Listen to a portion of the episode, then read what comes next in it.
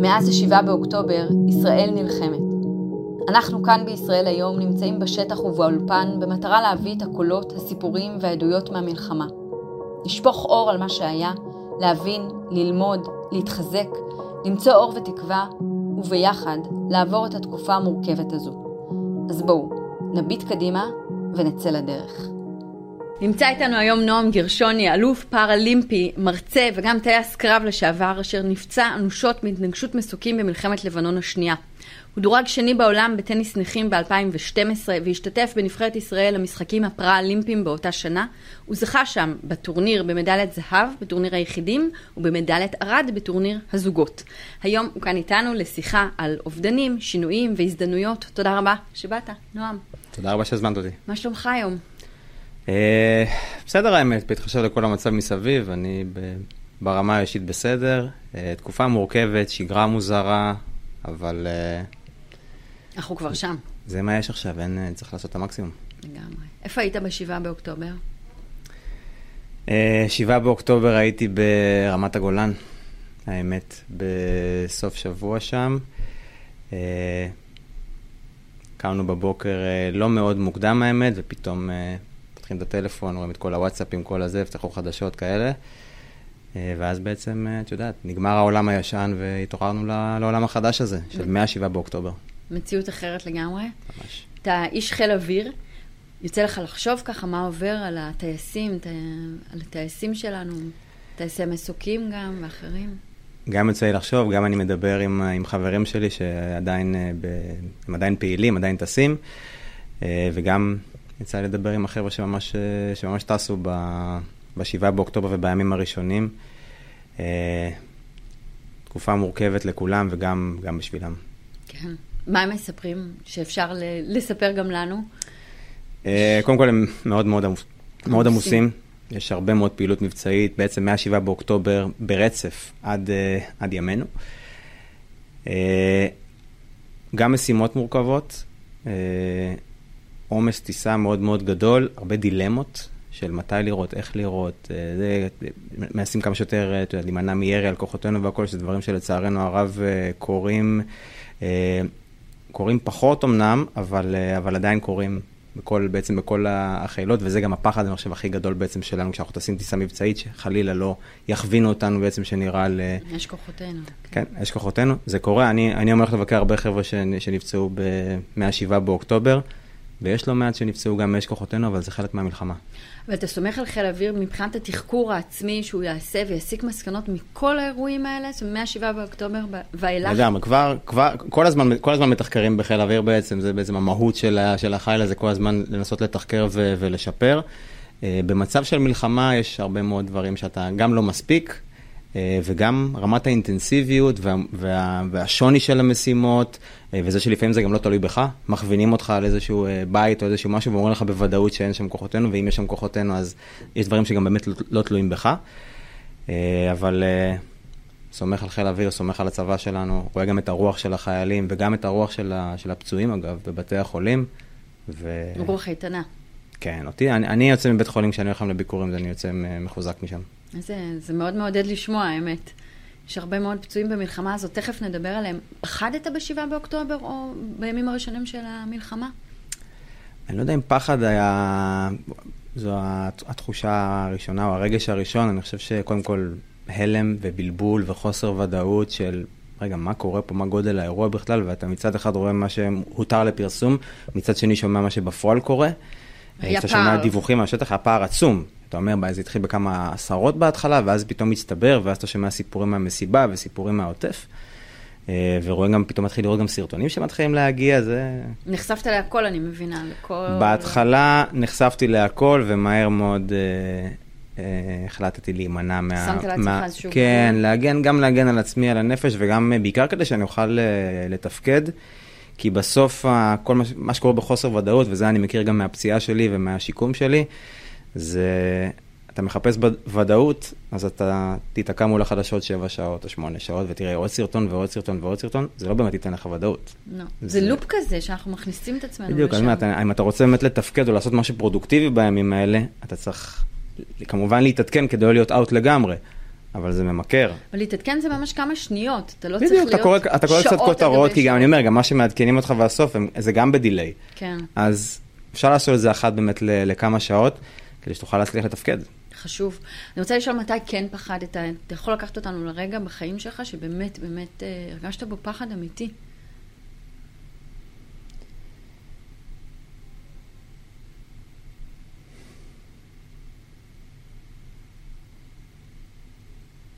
שאלה טובה. לא יודע להגיד לך האמת. ב... כשאני נפצעתי, אני לא זוכר את, ה... את האירוע, אני מניח שפחדתי. בזמן הזה, כי היו לנו בעצם 50 שניות בדרך למטה. בהתרסקות, אז בזמן הזה אני מניח שהיה פחד ומחשבה של אני הולך למות, אה, ואני מניח שגם איזשהו יצר של שרידות, של לנסות כן להטיס את המסוק, או לנסות להנחית אותו, או לנסות לרסק אותו בצורה כמה שיותר בטוחה.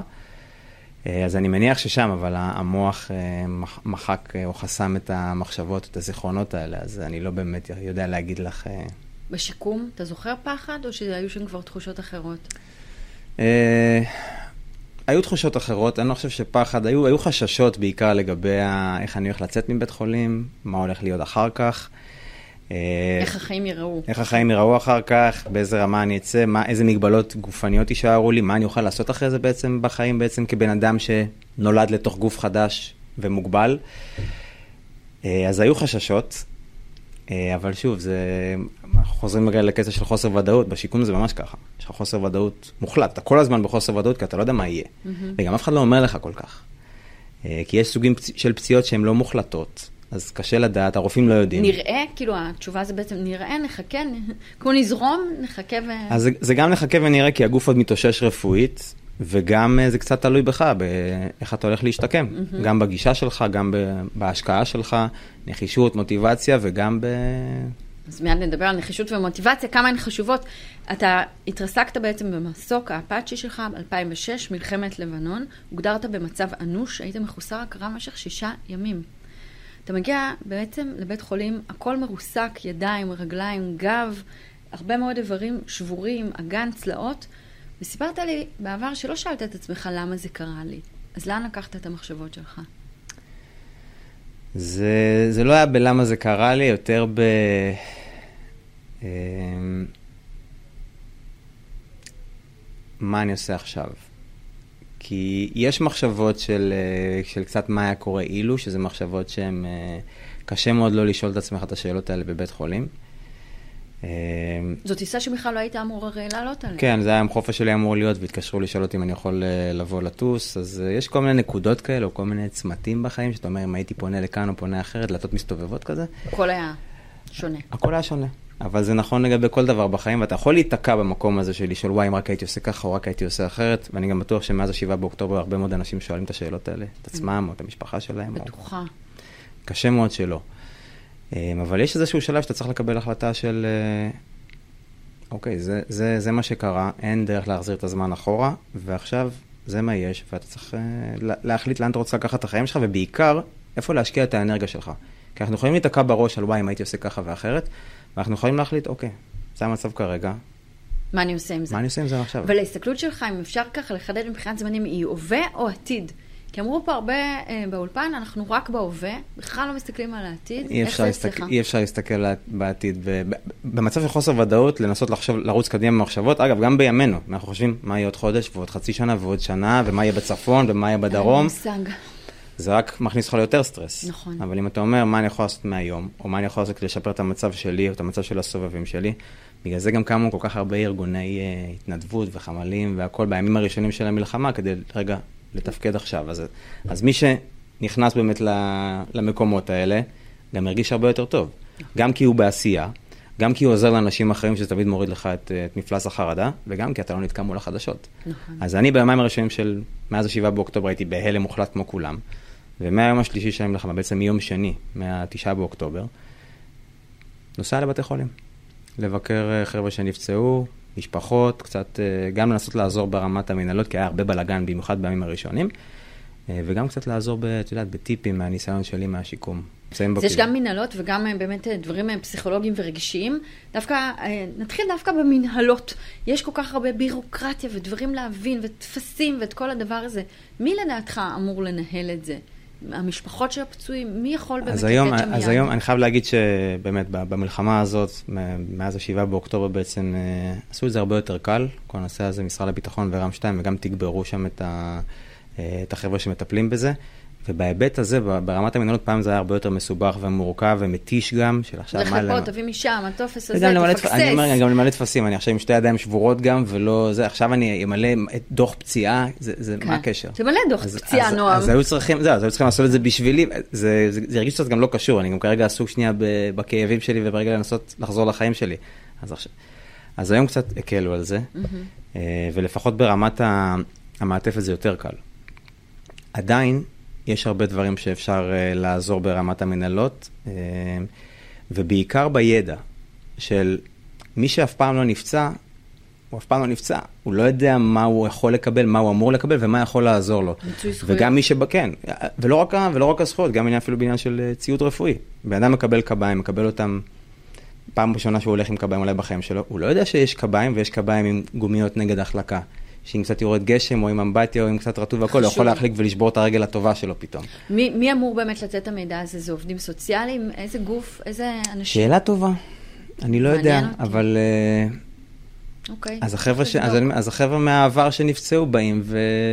ועוזרים עם הדברים האלה, כי בסוף יש כל כך הרבה פצועים חדשים, כן. שאין להם ניסיון בפציעה, ולמשפחה שלהם אין ניסיון בפציעה, ויש דברים שמגיעים להם, אבל גם החיילות שעוזרות נגיד מרם שתיים הכל, גם הן לא נפצעו אף פעם. גם הן לא יודעות שיש גומיות נגד החלקה ושזה חשוב. פשוט באירוע מתגלגל ש- שקורה as we speak וזה עדיין קורה ו... יש גם הרבה דברים שהם, את יודעת, לא בפרוטוקול, כי פשוט אף אחד לא חשב שהם יכולים לקרות. חבר'ה שהם מפונים ועכשיו בחור שנפצע אמור לצאת לאפטר הביתה, ואין לו בית לצאת אליו. כי הם מפונים, או כי הבית לא נגיד. יש הרבה כן. תתי מקרים שגם... אז הוא צריך להגיע למלון או למקום... למלון, ואני אומר, להגיע למלון זה...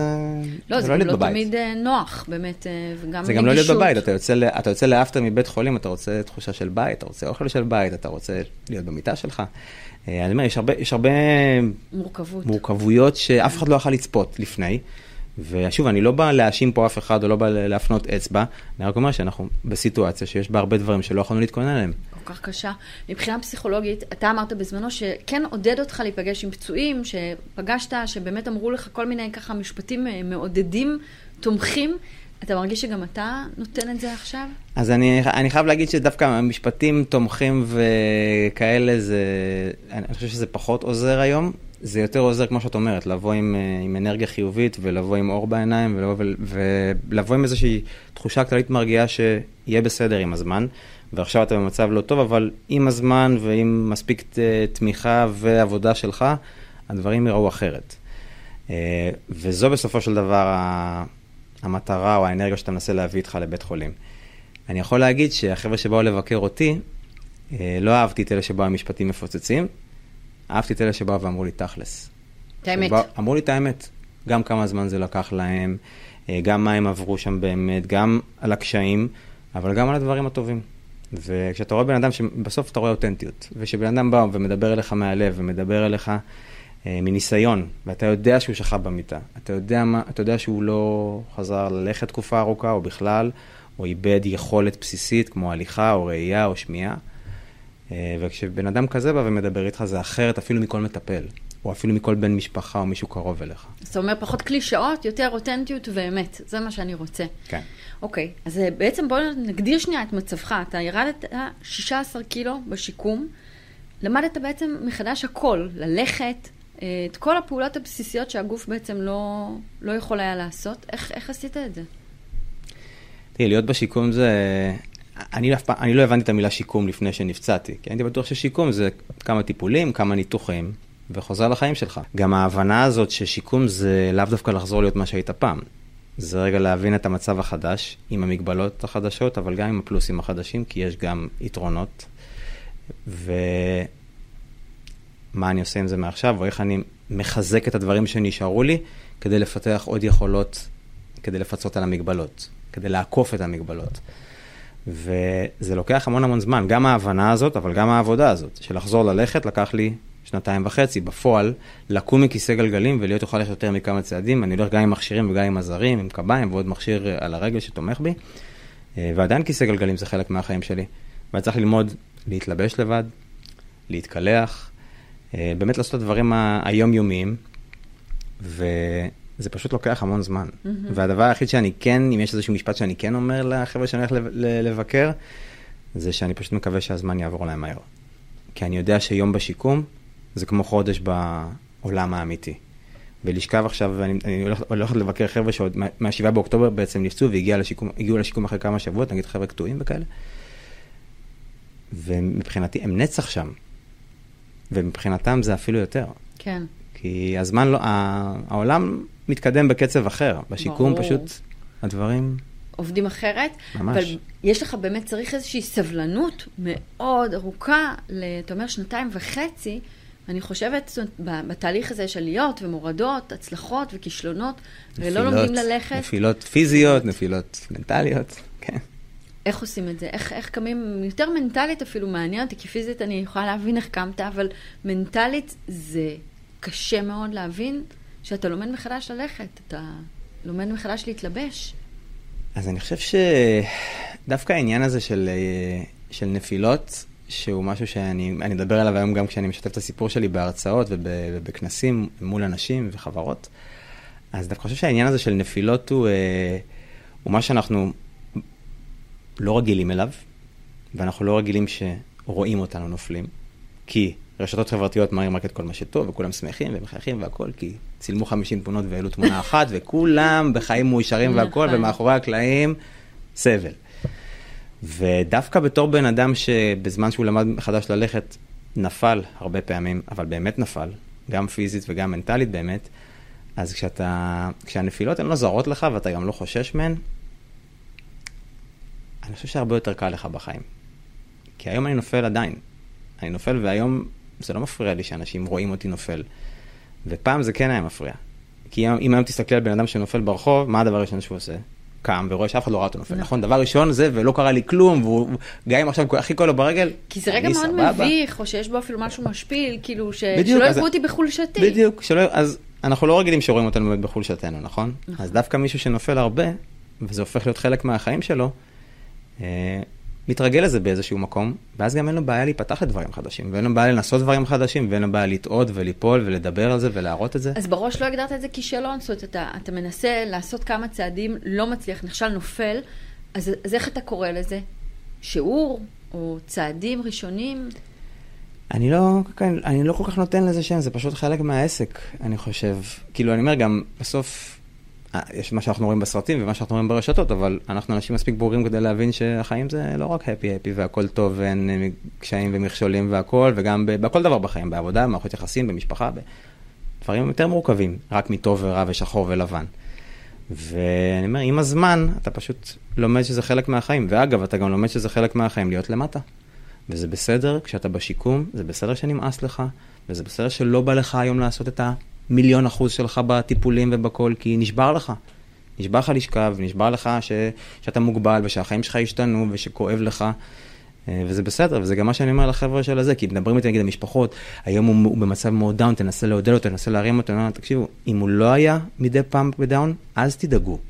כי זה ממש הגיוני שבן אדם במצב הזה, אחת לכמה זמן, תהיה לו נפילה. נכון. נשמע אחרת, לי מאוד... כן, אני אומר, כן. כי אחרת הוא, הוא מתכחש למציאות. דווקא זה שהוא למטה, אתם צריכים להיות בסדר עם זה. ברור לכם שזה קשה מהצד, כי גם... כשאתה היית למטה, מה עודד אותך? ההורים שלי סופר נלחצו. נלחצו, התחילו להביא, הביאו לפסיכולוג אה, פתאום, לא פסיכולוג, יש את הפסיכולוג של מחלקת השיקום, שאני והוא אה, נפרדנו ב... בדייט השני. ו... זה, לא, זה לא צלח. לא, לא היה בינינו חיבור טוב והכל, זה היה מערכת יחסים מאוד אה, קצרה. קצרה. הוא היה מאוד מאוד חמוד אגב, גם קיבל את זה, אמרתי לו שאני פחות, זה, פחות מתאים עכשיו והכל, והוא אמר, אני פה, מתי שתצטרך, באמת הוא קיבל את זה ממש יפה. אולי זה היה מוקדם מדי, באמת. זה היה מוקדם מדי, וגם בתקופה ההיא היה לי הרבה יותר בנוח לדבר, או עם משפחה וחברים, אנשים שמכירים אותי, או עם מישהו ששכב בשיקום ויודע מה עברתי. בן אדם אחר, אני לא מבטל את המקצוע של פסיכולוג וזה, זה עוזר להרבה מאוד אנשים, זה, בתקופה ההיא זה פשוט פחות התאים לי. Mm-hmm. וכשהייתי בדאון בבית חולים במשך כמה ימים, אז ההורים שלי ממש נלחצו. והביאו לי פסיכולוג אחר, דרך חיל אוויר והכל. ופשוט לקחתי אותם לשיחה, ואמרתי להם שלא יעשו את זה, כי זה ממש בסדר, שאני למטה. זיהית בעצם שמותר לך, זיהית, הבחנת את עצמך. זה, קודם כל התעצבנתי מזה. אוקיי. זה רק עצבן אותי יותר. כי זה כמו שאתה, שאתה עצבני, מישהו אומר לך, תירגע. זה נוראי. מעצבן, תן את עצמך, כאילו, עצבנו אותי, בסדר, אני, אתה יודע, אל תדאג. כוונותיהם היו כמובן טובות, אבל... ברור, ברור, אני לא, כן. אני, שוב, זה, אני, אני לא כעסתי עליהם, כי אני יודע מאיפה הם באו, זה גם, אני רואה את זה גם היום, ואני גם מכיר את זה מהמשפחה שלי. זה מאוד מאוד קשה למשפחה, זה שהם לא יכולים לעזור. החוסר אונים שהם מרגישים מהצד, והם רק רוצים לעזור ולהיות שם ולתמוך, אבל אה, לפעמים אין מה לעשות, ורק עצם הנוכחות... כן. זה מאוד מתסכל, גם. נכון. אז כן. אני אומר, עצם הנוכחות שלהם וזה שהם שם, וזה גם מה שאני מנסה להעביר היום למשפחות כשאני בא לבקר חבר'ה, פשוט תהיו שם. וזה ממש בסדר, וזה, והוא יוציא עליכם את העצבים כנראה, או היא תוציא עליכם את העצבים, יש שם פצועים ופצועות הרי, לצערנו, מכל המינים. ו... וצריך הרבה סבלנות, גם בני נכון, המשפחה. אגב, וגם הם צריכים, לפעמים המשפחה גם מלווים אותם, היום גם יש ליווי למשפחה, מה שפעם היה פחות אולי, אה, פחות אולי נהוג ונפוץ. שזה יפה שיש. מאוד, מאוד, וגם אה, סופר חשוב, כי בסוף המעטפת ומה שסובב אותך והכל, היא מאוד מאוד יכולה להשפיע על, על סוג השיקום שלך, צורת השיקום וגם הקצב, ואתה באמת היית עטוף, משפחה וחברים. כל הזמן. ואז 24-7, חצי שנה הייתי מאושפז ועוד שנה באשפוז יום, כל הזמן היה לידי מישהו. לא הייתי שנייה אחת לבד במשך חצי שנה. אפילו לא, רגע אחד. עטוף. ממש עטוף, וזה נתן הרבה כוח. והיום מדברים על זה, ביחד ננצח והכל, היום זה, כבר חזרו להתעסק בפוליטיקה ובשטויות והכל, ו- ורק בשטח, ורק החיילים, ודווקא, וגם בבית חולים, שם אתה באמת רואה את זה, שכולנו ביחד, וכולנו אחים. ולצערי הרב, כן, ב... באולפנים פחות רואים את זה. כן, אז אני אומר, ב- ב- באולפנים, וזה לא משנה בכלל באיזה צד של זה ובאיזה ערוץ, פחות. חזרו לריב. כן, מהר. מחדש, מאוד מהר. כך מהר. מאכזב. וזה, וזה חבל, זה חבל, כי בשטח, אתה רואה עזרה הדדית? אתה רואה עזרה הדדית, אתה רואה אחווה, וזה לא מעניין אף אחד מאיזה צד אתה במפה הפוליטית, מאיזה מפלגה אתה, כמה אתה דתי, כמה אתה חילוני, זה לא, זה לא מעניין אף אחד זה בשיקום. מחמם את הלב, מה שאתה אומר. מאוד, ואני אומר, גם היום, גם, גם בלבנון השנייה, אבל במיוחד היום, ואנחנו מדברים על כבר על שלושה וחצי חודשים אחרי אה, בעצם השבעה באוקטובר, אה, מחלקות השיקום מפוצצות באנשים שבאים לבקר ולתמוך בחיילים מכל החברה בישראל, וזה... יפה זה מאוד. באמת מדהים לראות, ממש. באמת, כי כבר, כי כבר חזרנו לסוג מסוים של שגרה. בהתחלה זה היה ברור שהרבה יבקרו, כי אין מה לעשות, הכל נעצר, כל התעשייה, כל החברה, הכל נעצר. אנשים באו לבקר בבית חולים. עכשיו כשחזרנו לשגרה, פה בעצם אנחנו נבחנים באיך אנחנו תומכים בחיילים ובפצועים שלנו, ועדיין המחלקות יש לנו מפוצצות. באמת עם נהדר. נועם גרשון, אני רוצה לשאול אותך, מתי נכנס הספורט לחיים שלך? אה, וואי, כשהייתי קטן, אני פריק של ספורט. הייתי, הרבה, הייתי עושה הרבה ספורט אה, בתור אה, ילד ונער, כדורגל, כדורסל, טניס, כדורעף, ואף פעם לא עשיתי משהו בצורה מקצועית, ואז גם התגייסתי, חיל אוויר? התגייסתי לחיל האוויר, טייס. וזה הרבה, וזה הרבה שנים, ואחרי שנפצעתי, כל כך רציתי לחזור לעשות משהו עם הגוף שלי, שהוא כיף. כי כשאתה בבית חולים, הדבר היחיד שאתה חווה מהגוף שלך בעצם זה כאבים. ואחרי זה הבנה שיש מגבלות. אתה חווה הרבה דברים פחות טובים מהגוף שלך, ו... כעסת עליו על הגוף? הוא אכזב אותך? אה, לא, לא. הרפואה קצת אכזבה אותי, אני חייב להגיד. ציפית יותר? בסוג, ב- בסוג מסוים של פציעות, אה, הרפואה היא פחות מתקדמת ממה שאנחנו חושבים, ולי זה היה בעיקר אה, הזוי, וגם היום אגב זה קצת הזוי לי, שצריך לחכות שבן אדם יתעורר כדי להבין את סוג הפציעה שלו. בחלק מהפציעות, נגיד פגיעות ראש או פגיעות חוט שדרה, לא יודעים. לא יודעים בעצם אה, מה קורה. בקטע הזה, קטיעה, למשל, של רגל או של יד, היא הרבה יותר מוחלטת, כי רגל לא תצמח ויד לא תצמח. זו פציעה מאוד מאוד קשה, עם כאבים ומורכבויות וסבל, אני בטח לא, לא מזלזל. אני רק אומר שהפציעה הזאת היא יותר, במרכאות, קלה. לעיכול, כי היא ברורה כן. והיא מוחלטת. ופגיעת חוט שדרה ופגיעת ראש, זה דברים שגם הגוף לוקח לו הרבה יותר זמן להתאושש, והעצבים מתחברים, ו... אז. בשישה ימים שבהם היית מחוסר הכרה בכלל לא ידעו מה יש? חיכו שאני אתעורר כדי להבין אם אני משותק או לא. אה, ראו שיש פגיעה בגב, זיהו שיש פגיעה בגב, אבל לא ידעו בעצם מה האפקט שלה על הגוף, כי באמת כל גוף הוא שונה, ואלא אם כן אתה רואה ממש קטיעה מוחלטת של חוט השדרה, ואז בן אדם הוא לא מרגיש, לא מזיז את הרגליים, וזה די מוחלט. אה, למעט במקרים נדירים שכן הדברים יכולים להתאושש, אבל במקרה שלי פשוט לא ידעו. אבל אתה מקרה נדיר כשלעצמך, זאת אומרת, אתה... די, תמשיכי. לא, אבל אנחנו יודעים, גם מבחינה רפואית ומכל הבחינות, אה, לא חשבו באמת שתתעורר, נכון? ז, זאת האמת. אז בהתחלה, האנשים שהגיעו אליי ראשונים בעצם אה, למקום ההתרסקות, אה, כבר, כבר היו בטוחים שאני, שאני בדרך למות, כי הייתי ממש בהכרה מעורפלת ואיבדתי הרבה מאוד דם, שברים פתוחים, אה, וגם מי שהיה איתי... הטייס שהיה איתך. כן, רן כוכבא, זיכרונו לברכה, בעצם נהרג במקום, ומצאו אותו כבר ללא רוח חיים כשהם הגיעו, וגם כשפינו אותי בעצם לאמבולנס כבר... הדיווח שהגיע לחיל האוויר זה שיש שני הרוגים מההתרסקות. אה, ואז בעצם נחת מסוק החילוץ, צוות של 669, הרופא שאני חייב לו את החיים שלי. אה, ובהתחלה באמת לא חשבו שאני הולך אה, להישאר בחיים, אבל למזלי... אותו רופא הציל את חייך. כמה פעמים, האמת. באותו ערב הוא עשה כמה מהלכים, בכלל היו הרבה, לא יודע איך לקרוא לזה, צירופי מקרים, התחברויות. מלאכים. גורל, אלוהים, מלאכים, כל אחד, מה שהוא מאמין. מש, כן. שהיו שם עבורך. היו שם, כן. כולם ביחד כזה, החזיקו ידיים וכזה, יאללה, בואו בוא ניתן לו עוד צ'אנס. הם נלחמו עליך, ואתה נלחמת, ואחר כך מגיע באמת הספורט, חוזר לחיים שלך. כן. איך, איך הוא חוזר? באיזו דלת? דרך בית הלוחם? דרך בית הלוחם בתל אביב. לקחו בעצם את כל החבר'ה שנפצעו, הפצועים הקשים של מלחמת לבנון השנייה, לקחו אותם לסיור בבית הלוחם בתל אביב, ושם בעצם מראים לך את כל, כל סוגי הספורט, ובכלל את המתקן המדהים שיש שם, ואני כל כך שמח שהיום גם הרבה חבר'ה כבר מתחילים ללכת מאוד מאוד מוקדם, כי זה גם חשוב לחזור מוקדם בעצם לעשות ספורט, כי זה גם טוב גופנית, גם טוב מנטלית, גם מצעיד אותך קדימה. זה מחזק. מחזק הכל, מי שעושה ספורט גם יודע, זה כן. בשביל הנפש קודם כל. ובטח ובטח אחרי שהגוף שלך עבר איזושהי טראומה. זה כאילו התחושת מסוגלות, כשאמרתי מחזק התכוונתי לא רק פיזית, אלא באמת התחושת מסוגלות, אני יכול לעשות משהו. זה מה שהרגשת? זה גם, זה לא בקטע של יכול לעשות משהו, זה בקטע של, רוצה לעשות משהו כיף. עכשיו, ספורט זה כיף, ו... שוב, הרבה אנשים משתמשים בגוף שלהם כאמצעי תחבורה ממקום למקום פשוט, ולא, אבל מי שעושה משהו עם הגוף, ספורט, זה, ריקוד, תנועה. אה, הנאה.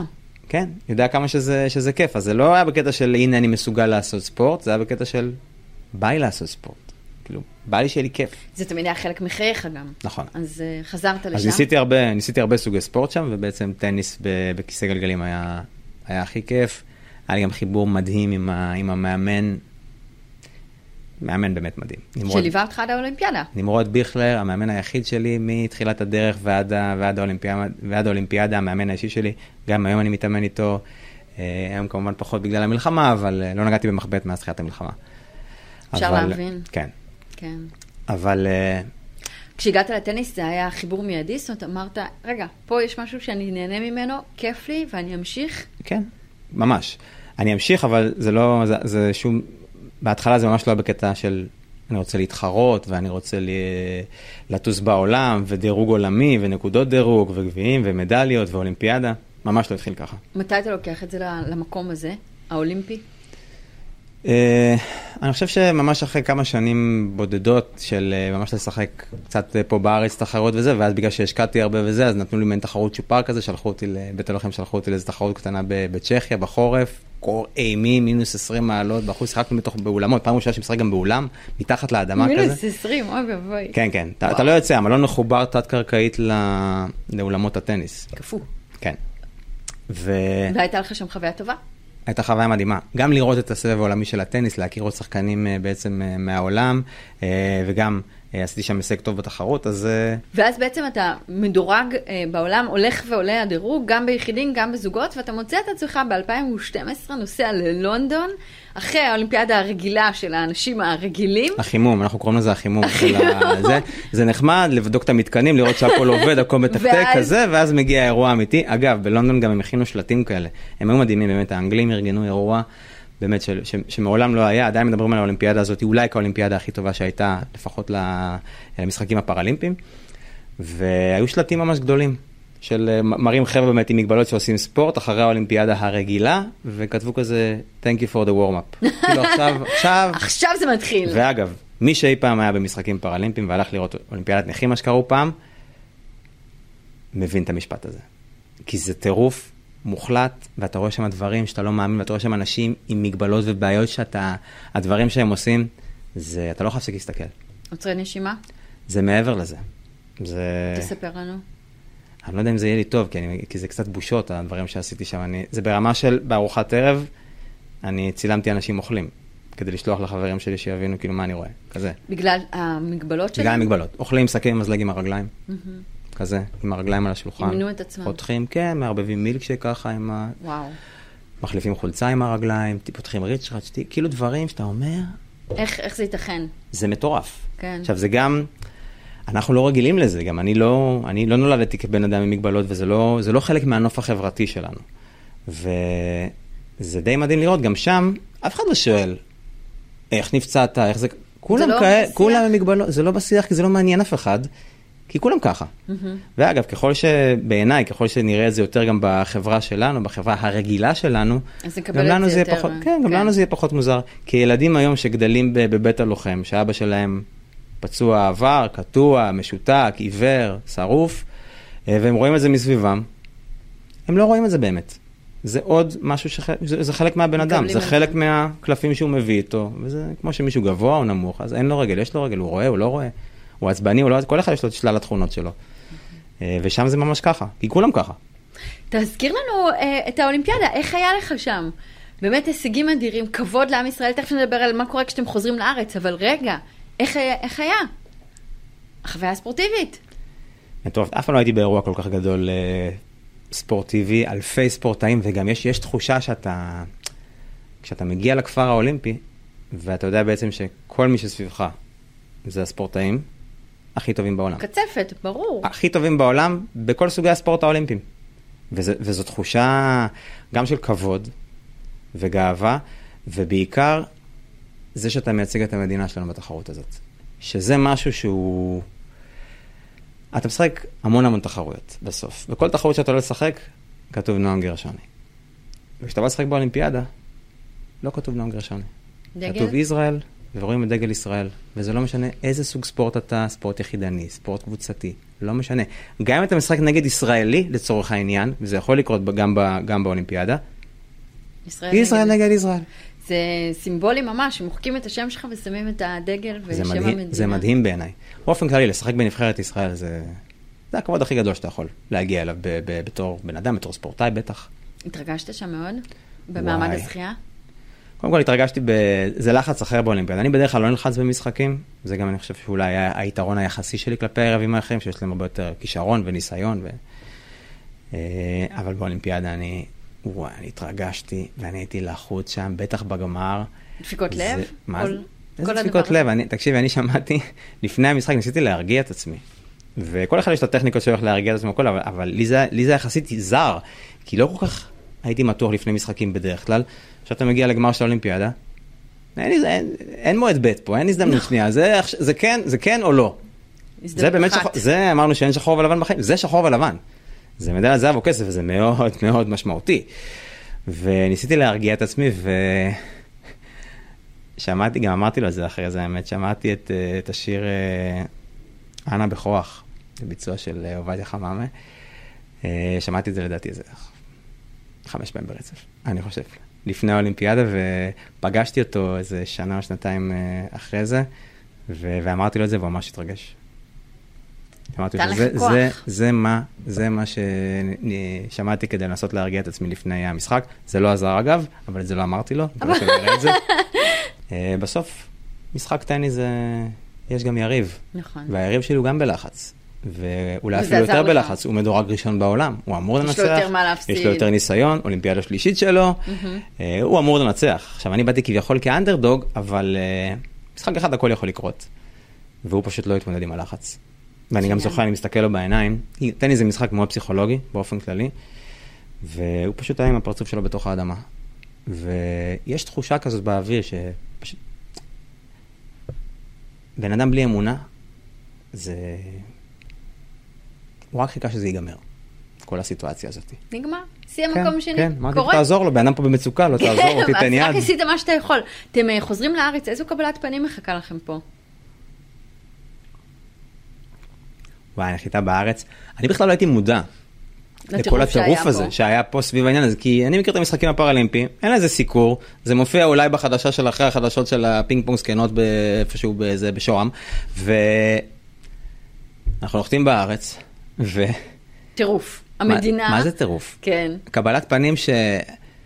אני לא, אין לי אפילו דרך לכמת כמה אנשים היו שם בקבלת הפנים. כי אתם גאווה לאומית. זמבורות, דרבוקות, גם אה, זה, משפחה של אמא שלי זה משפחה מאוד מאוד שמחה. יש שם הרבה, היו להם סיבות. משרוקיות ודגלים, ו, ו, ויצאנו משם וחטפנו כזה גל של אהבה ו, ותמיכה, וזה היה... זה היה מרגז, גם היה יום אחרי יום הולדת של, של סבתא שלי, אז גם הכניסו את uh, סבתא ברכה, זיכרונה לברכה, אה, הכניסו אותה למכס, שזה כאילו דבר שלא עושים, אין דבר כזה להכניס מישהו, אזרח מחוץ לזה, אז הכניסו אותה, וכמתנה ליום הולדת שלה, אז תליתי לה את המדליה, ובעצם יצאנו החוצה שהיא עם המדליה עליה. איזה יופי. כן. איזה יופי שיכולת לעשות את זה, ולתת ממש, לה את, ה... את ההזדמנות הזו. ובעצם, למה לא המשכת בטניס לאחר מכן? הגעת לכאלה הישגים יפים. פרשתי מיד אחרי האולימפיאדה, מיד. למה? זו הייתה תחרות האחרונה ששיחקתי כשחקן uh, בסבב. בגלל הנסיעות? בגלל באמת הסבבים, העומס? או מה, מה קרה שם בעצם? לא רוצה את האמת? כן. נועם, אני רוצה את האמת. אני לא כל כך אוהב תחרויות. לחץ? באופן כללי אני בא לשחק בשביל הכיף. עכשיו, יש משהו מאתגר בתחרות, ו... וגם בטניס זה פשוט חלק מהעניין, כי ברגע שאתה מתחיל לספור נקודות זה אחרת.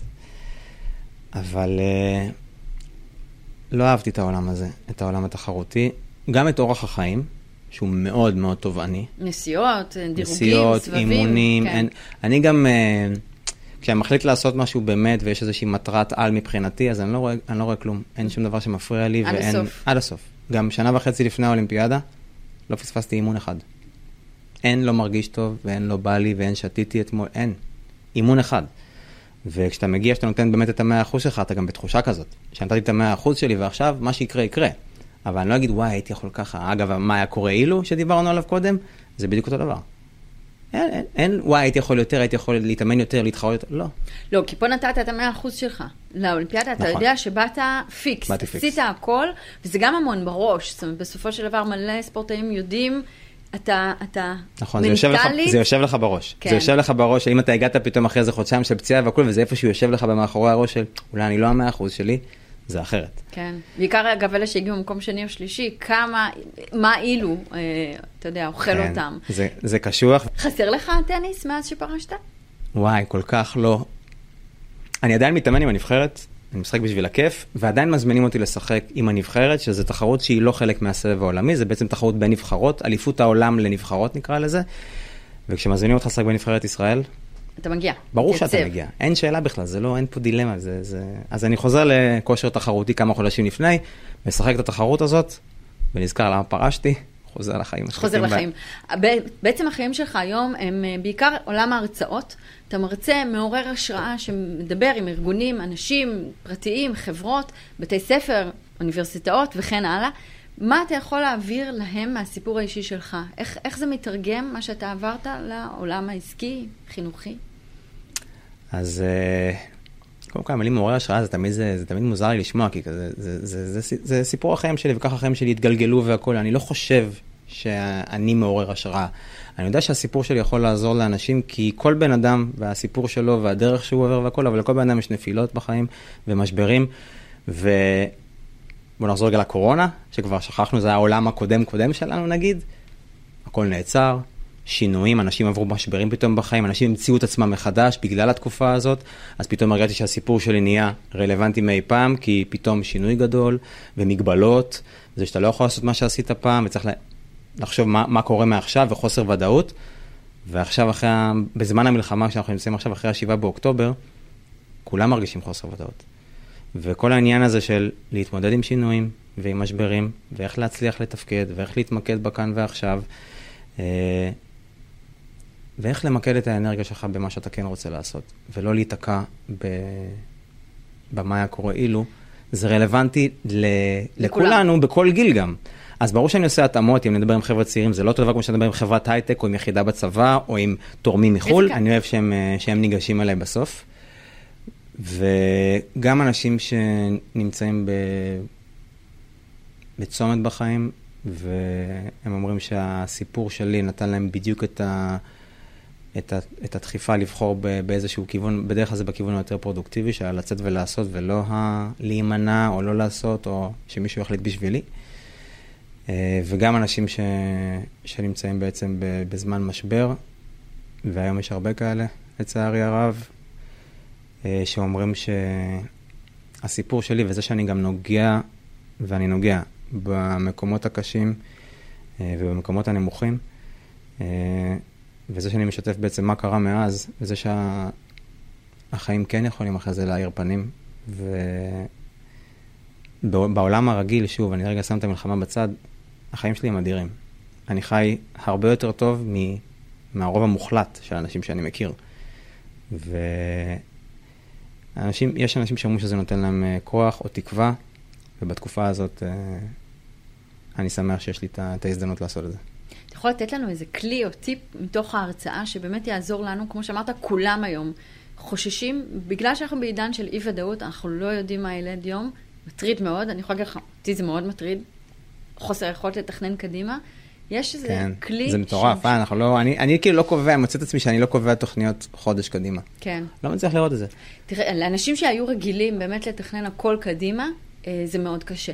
זה... כן, זה, אני יכול לקבוע שבוע קדימה, ואני יכול לקבוע כזה לעוד שנה, שאני אומר, טוב, עוד שנה כבר יהיה בסדר והכל, אז uh, במסגרת הימים הקשים של המלחמה, הזמנתי כרטיסים לאולימפיאדה לפריז, אמרתי, אני, זה אוגוסט, זה עוד מלא זמן, בטח יהיה בסדר, הזמנתי כן. כרטיסים, אה, גם לאולימפיאדה וגם כבר כרטיסי טיסה, אמרתי, אני סוגר את הכל מראש, אני לא יכול לבטל גם. מעולה, הלוואי והכל. נראה מה יהיה, הכל כן. בשגרה שאנחנו חיים, הכל יכול להתבטל ביום, וגם יש לנו פרופורציות אחרות כבר היום.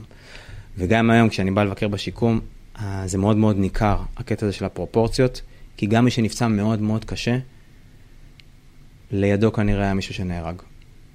כי כל הותר לפרסום, כל בוקר שאנחנו רואים שזה החדשות הכי קשות שיש, ומשפחה נהרסת פה, אה, לידם יש כמה חבר'ה שנפצעו, מאוד מאוד קשה. כמו שהיה במקרה שלך. נכון. והפרופורציות הן בשיקום אחרות. ונכון שאנשים, כל אחד בעצם, מהרגע שהוא פותח את העיניים שלו, מתחיל את המלחמה האישית שלו, אבל ההתייחסות היום, וגם בעיקר של המשפחות, היא אחרת. אתה רואה... ערך לחיים? כן, ערך לחיים, ואפילו, הייתי אומר אפילו הקלה מזה שהבן שלהם או הבת שלהם, במרכאות, רק נפצעו. פה איתנו. והם פה איתנו. כן. ויותר מזה, הם גם לא חוזרים לשם. נועם גרשוני, אירוע שיא נוסף שלקחת בו חלק, הוא אה, טקס הדלקת המשואות ב-2018. איך היה לך שם? אה, וואו, הערב הכי מרגש בחיים שלי, בכלל כל השבוע הזה, כי אתה עושה גם uh, חזרות גנרליות, זה בעצם שלושה טקסים בעצם בשבוע הזה. הקפוא בירושלים. וואי. כן, אבל דווקא, כאילו, לא היה קפוא שם בסוף, זה היה במאי, uh, אבל קרייר בערב. בהחלט קרייר, אבל uh, קודם כל הטקס מרגש. הכי מרגש שאני חושב שיש ב, ב, במדינה שלנו. מסכימה. עוצמתי. זה גם היה 70, 70 שנה למדינת ישראל, גם מספר עגול והכול, עוד, עוד איזה משהו ש, שקצת מזיז לנו בפנים. Uh, האנשים שאתה מכיר שם, שאר החבר'ה שהם בעצם uh, נבחרו להיות מסיעי המשואות. Uh, מעוררי השראה. גם הם. הנאום אתה כתבת? כתבו איתך ביחד? זה מעין פינג פונג כזה, שאתה בעצם כותב... אה, יחד עם החבר'ה שבעצם אה, מנהלים את הטקס, או אחראים בעצם, אחראים בעצם על הטקסט. אה, אז זה מעין פינג פונג כזה, מה חשוב לך להגיד, מה חשוב להם ש, שיאמר, עוברים על כמה ניסוחים. אה, אני מאוד מאוד שלם עם, ה, עם הטקסט שאמרתי, וגם זה שיצא לי להודות גם בעצם לכל החבר'ה שבעצם נפצעו בשירות המדינה, לצוותים הרפואיים, שהיום, היום אפילו התפקיד שלהם אפילו... אנחנו רואים. כמה הם חיוניים וכמה הם עושים עבודת קודש. ממש, וכמובן הספורטאים הפראלימפיים. שאתה מייצג אותם בהרבה הרבה כבוד. מה היית רוצה לשנות במדינה, אם אתה יכול, יש לך את הכוח? הייתי רוצה שנראה יותר אנשים עם, אה, עם מגבלות בנוף החברתי שלנו. הייתי רוצה שייכנסו אנשים למערכת החינוך. אני רוצה שיהיו יותר מורים על כיסאות גלגלים, יותר מורים עם מגבלות, עיוורים, קטועים, שרופים, המגבלות הקשות. שילדים יראו את זה מגיל צעיר. כי מרגיש לי שאת הדור שלנו, של אני ואת, יהיה כבר קשה לשנות. כי אני רואה את זה גם בשיקום, אנשים באים ומסתכלים על החבר'ה הפצועים במבט של רחמים, ואיזה מסכנים, וזה, והוא קטוע ומשותק ועיוור. ואני חושב שצריך להתחיל בגיל הצעיר, לשנות את, ה, את התפיסה הזאת שיש לנו על אנשים עם מגבלות. יש שם הרבה מאוד פצועים חדשים. נכון. אנחנו נראה יותר ויותר, בעקבות המלחמה הזאת, יהיו הרבה מאוד אנשים עם מגבלות בנוף החברתי שלנו. והגיע הזמן לשנות את ההתייחסות של החברה לאנשים האלה. חושבת שזה נורא חשוב מה שאמרת, וזה גם דואבול, ממש אפשרי ממש. לעשות את הדבר הזה.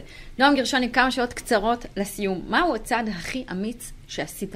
להיכנס לזוגיות. איך הולך? אתם הרבה זמן ביחד. תלוי מתי סופרים. הכל, את כל הפזם המצטבר שלכם? אה, וואה. אתם הרבה? תלוי מתי סופרים. אוקיי, כמה שנים? אז תלוי מתי סופרים. אז כמה הרשמי, בערך? הרשמי עכשיו מהספירה כן. הזה, כי החלטנו גם אקראית על תאריך, כדי שיהיה לנו קל לזכור. אה, שלוש וחצי שנים. שלוש וחצי שנים. אני לא אשאל מתי החתונה, אבל אני אשאל, אין חתונה. אין חתונה. אוקיי, לא- מה? לא יקרה, אם- אם זו שאלה מאימא שלי שהגיעה זאת שאלה. בגמר כרטיסים מאימא איך שלי, אז אין? חתונה, אמא, תקבלי את זה, די, תחי עם זה, תקבלי אותי. לא, היא בת 70, מתנה ליום הולדת. תחשוב על זה. מהו המשפט שאמרו לך ולעולם לא תשכח? יש משפט. אה, דווקא בקטע של אה, אם לעשות משהו או לא לעשות משהו כזה, אם אני עייף או אין לי כוח ולצאת או לא לצאת, אז אה, מישהו אה, אמר שסבא שלו אמר לו משפט, אני לא זוכר את כל הפעמים שהייתי בהם עייף, אבל אני זוכר את הפעמים שממש נהניתי בהם. אז לצאת. תמיד, לעשות. תמיד לעשות. תמיד לעשות. מה האכזבה הכי גדולה שהייתה לך? אליפות עולם ב-2019, טניס בכיסאות גלגלים, מדינת ישראל אירחה תחרות מדהימה, האליפות העולם הכי טובה שהייתה בהיסטוריה, אני לא אומר את זה בתור ישראלי משוחד, אלא כל, כל הספורטאים שהגיעו לפה אמרו את זה. הגענו לגמר פה בארץ, והפסדנו בגמר במשחק המכריע בזוגות, ואני הייתי גמור אחרי זה, גמור, מפורק. למי כי- הפסדנו? ליפן, אנחנו אוהבים את היפנים, הם חברים, חברים שלנו, אנחנו מתקשרים איתם בעיקר בסימני ידיים, אבל הם עדיין חברים, הם אוהבים אותנו גם, אוקיי. אבל אה, אני גם בדרך כלל, אני לא, אני, בדרך כלל, אין לי בעיה להפסיד, אבל כשזה נבחרת ישראל, וזה בארץ, וזה בגמר, אני הייתי מחוסל, הייתי מפורק, אני באמת, אני הסתרתי שם בפרצוף של יואו, תשעה באב. מה המחשבה שתמיד מעודדת אותך? לא משנה מה קרה. האנשים שקרובים אליי, שהם כוח, גם משפחה, חברים, גם uh, בת הזוג שלי, הכלבה שלי, זה פשוט כוח של... Uh, אני יודע שכשאני מגיע הביתה תמיד יהיה בסדר. ומאוד כיף לי לעשות דברים, ואני מאוד פעיל והכל, בסוף אני חוזר הביתה ואומר, איזה כיף לי בבית. טוב להיות בבית. כן. תודה רבה שבאת אלינו, נועם גרשוני, תודה למפיקה נטע פלודרמן, למנהל האולפן דניאל שפע, לאורחות הוידאו נטע סיוון, ענבר ולירון, אני שיר זיו, נתראה בפרק הבא. תודה רבה שבאת. תודה.